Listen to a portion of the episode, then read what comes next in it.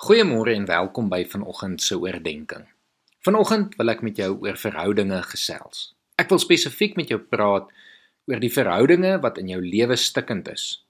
Aan verhoudinge waar dinge skeef geloop het. Ek wil vanoggend begin by die kant waar jy verkeerd teenoor ander mense opgetree het of dalk iets verkeerd gesê het en deur jou optrede of woorde iemand seer gemaak het. Indien ons in 'n verhouding met God staan, en vergifnis by hom ontvang het, glo ek die Heilige Gees sal jou oortuig om ook vir vergifnis te gaan vra teenoor die mense wat jy seer gemaak het. Ons kry die wonderlike voorbeeld van die verlore seun wat by sy pa kom en teenoor hom bely. Pa, ek het teen God en teen pa gesondig. Net so behoort elke gelowige teenoor mense te gaan bely. Ek het teen jou gesondig. Ek het verkeerd opgetree. Vergewe my asseblief. Verhoudinge is vandag so stikkend, waarskynlik grootendeels omdat mense nie hulle trots wil sluk en erken hulle was verkeerd nie. Ons het nodig om nederig te wees en jammer te gaan sê.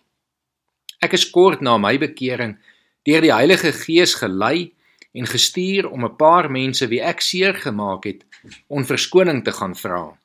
Aan die een kant was dit van die moeilikste dinge om te doen en aan die ander kant van die mees bevrydende gesprekke. Bid vanoggend teenoor die Here en vra hom om jou te lei na mense vir wie jy jammer moet sê en moet dan nie huiwer om hierdie stap te neem nie. Die Here sal by jou wees en dit is 'n stap in die regte rigting om die verhoudinge in jou lewe te herstel en ook jouself gesond te maak. Ongelukkig is hierdie waarskynlik die makliker kant. Dit is makliker om onvergifnis te gaan vra as om te vergewe, veral wanneer die ander persoon nie eers jammer kom sê nie of as daar nie geregtigheid geskied nie. Ons wil dikwels mos sê die ander persoon moet eers betaal of boet vir wat hulle verkeerd gedoen het. Alhoewel hierdie menslik is, is dit nie heeltemal wat God van ons verwag nie. Indien ons weer vir 'n oomblik na die gelykenis van die verlore seun gaan kyk, glo ek elkeen wat luister sal onthou dat daar ook 'n ouer broer was. 'n Broer wat gevoel het dit is onregverdig dat sy jonger broer sommer net terug verwelkom word sonder om te boet, sonder enige geregtigheid. Die jonger broer het hom nie eers om vergifnis kom vra nie. Maar dan probeer die pa vir hom verduidelik dat sy broer dood was en lewend geword het. Met ander woorde, wanneer iemand tot bekering kom, dan behoort ons hulle te vergewe sonder om eers daaroor te dink. Ons behoort eintlik altyd medegelowiges te vergewe en verhoudinge te probeer herstel so goed soos dit kan. Ons vergewe ons medegelowiges want ons is deur God vergewe. Efesiërs 4 vers 32 sê Wees goedgesind en hartlik teenoor mekaar en vergewe mekaar soos God julle ook in Christus vergewe het. In God se koninkryk behoort verhoudinge versoen te word. Behoort medegelowiges mekaar te vergewe, eensgesind saam te leef en mekaar te verdra. Efesiërs 4 vers 2 sê: Wees altyd beskeie, vriendelik en geduldig en verdra mekaar in liefde. Met ander woorde, selfs vir diegene wat jy dalk as gevolg van persoonlikheidsverskille nie so baie van hou nie, behoort jy nog steeds in liefde te behandel en hulle te verdra as deel van die geloofsgemeenskap. Miskien dink jy vanoggend, maar my situasie is uniek. Die persoon met wie ek 'n verhouding moet probeer herstel is net onmoontlik. Daar is nie salf van te smeer nie.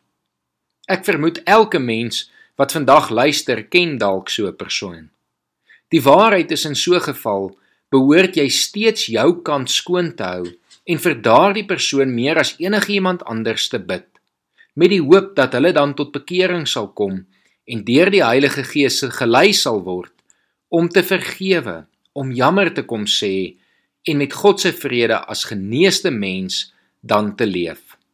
Indien jy vanoggend luister en daar is geen verhouding wat jy hoef te herstel nie, wil ek jou vra om in dankbaarheid daaroor te bid, maar dan ook om God te vra om jou te gebruik om ander mense in jou lewe te help om daar waar hulle verhoudinge stikkend is as middelaar van vrede op te tree. Kom ons bid saam. Here, ek kom bid vanoggend vir ons verhoudinge.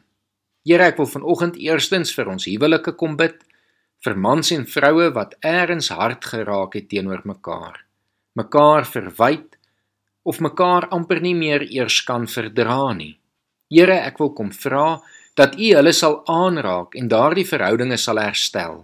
Ek kom vra dat U hulle nederig sal maak om hulle foute te erken en jammer te sê en dan te kies om mekaar lief te hê. Here, ek wil ook vir ons gesinne kom bid.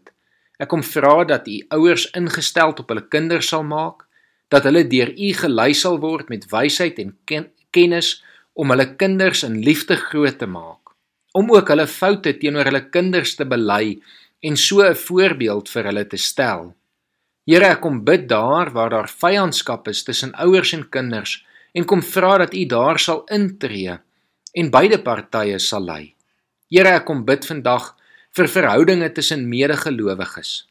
Here, kom help ons om 'n voorbeeld vir die wêreld te wees en vir hulle te wys wat kan gebeur in verhoudinge waar mense kies om mekaar lief te hê, mekaar te vergewe en in liefde saam te leef. Here, ons kom bid vir 'n gesonde samelewing. Ons kom vra, Here, dat U ons sal help daarmee en ons weet dit begin by goeie verhoudinge. Here, help ons om die verhoudinge in ons lewens te herstel. Kom lei ons deur U Heilige Gees. Oh, Amen.